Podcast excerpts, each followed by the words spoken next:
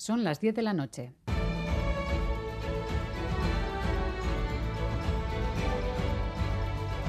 Radio Euskadi y Radio Vitoria. Servicios informativos.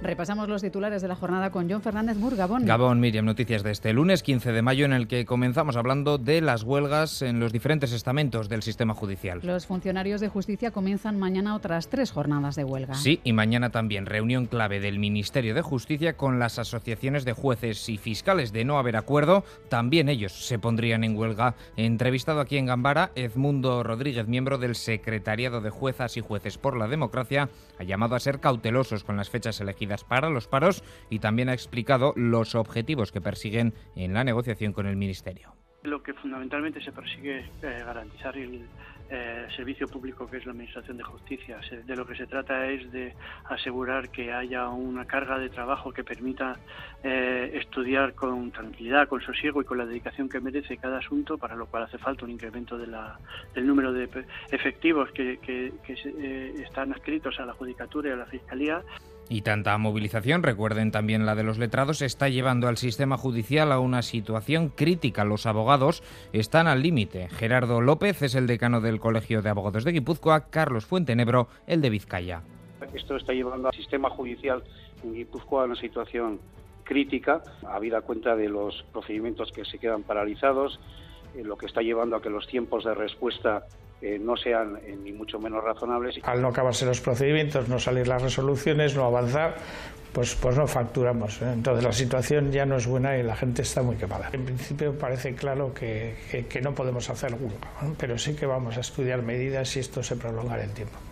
Inspección de Trabajo obliga a ampliar la jornada a 1.414 contratados a tiempo parcial. Porque trabajaban más horas de las que figuraba en su contrato en un comercio de panadería y sí que tenía que trabajar más horas de las que me marcaba mi contrato, sin ningún tipo de remuneración, ni de días libres, ni nada parecido. contrato de 48 horas mensuales. Eh, acabé metiendo 280 horas. Trabajo en el servicio doméstico, echas muchas horas, sabes a qué horas entras, pero no a qué horas sales. Ahí inclusive hasta que no te quieren ni dar ni de alta en la seguridad social. Yo he trabajado en conserjerías cuando comienzan a trabajar y todo eso acá. Y sí que echa horas, pero te las pagan en negro. La mitad de los contratos afectados se concentran en hostelería, seguido por comercio y reparación de vehículos y motocicletas. La crisis demográfica se agudiza en Euskadi. Ya sabíamos que cada vez hay menos nacimientos, a lo que sumamos que cada vez hay más fallecimientos. En 2022, según datos de Eustat, las muertes superaron a los nacimientos en 10.547 personas aquí en Euskadi. Y aunque tener un eh, saldo vegetativo negativo es habitual en los últimos años, el dato es 20 veces peor que el de hace tan solo una década. En capítulo económico, la eurozona evita definitivamente la recesión.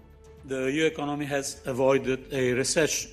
It expanded in the first quarter lo decía Paolo Gentiloni, comisario de Economía. Bruselas espera que la economía europea crezca un 1,1% y el dato previsto para España sube ya hasta el 1,9% para este año.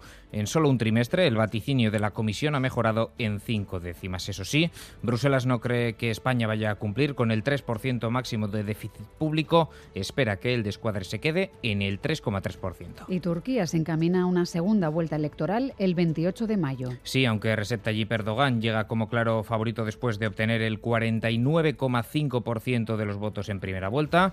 Enfrente tendrá a Kemal Kılıçdaroğlu, que se ha quedado en el 44,9%. Todo apunta a que Erdogan sumará un nuevo mandato al frente de Turquía. Así terminamos. Más noticias en una hora y en todo momento en itv.eus y en la aplicación ITV Albisteac. Gero arte.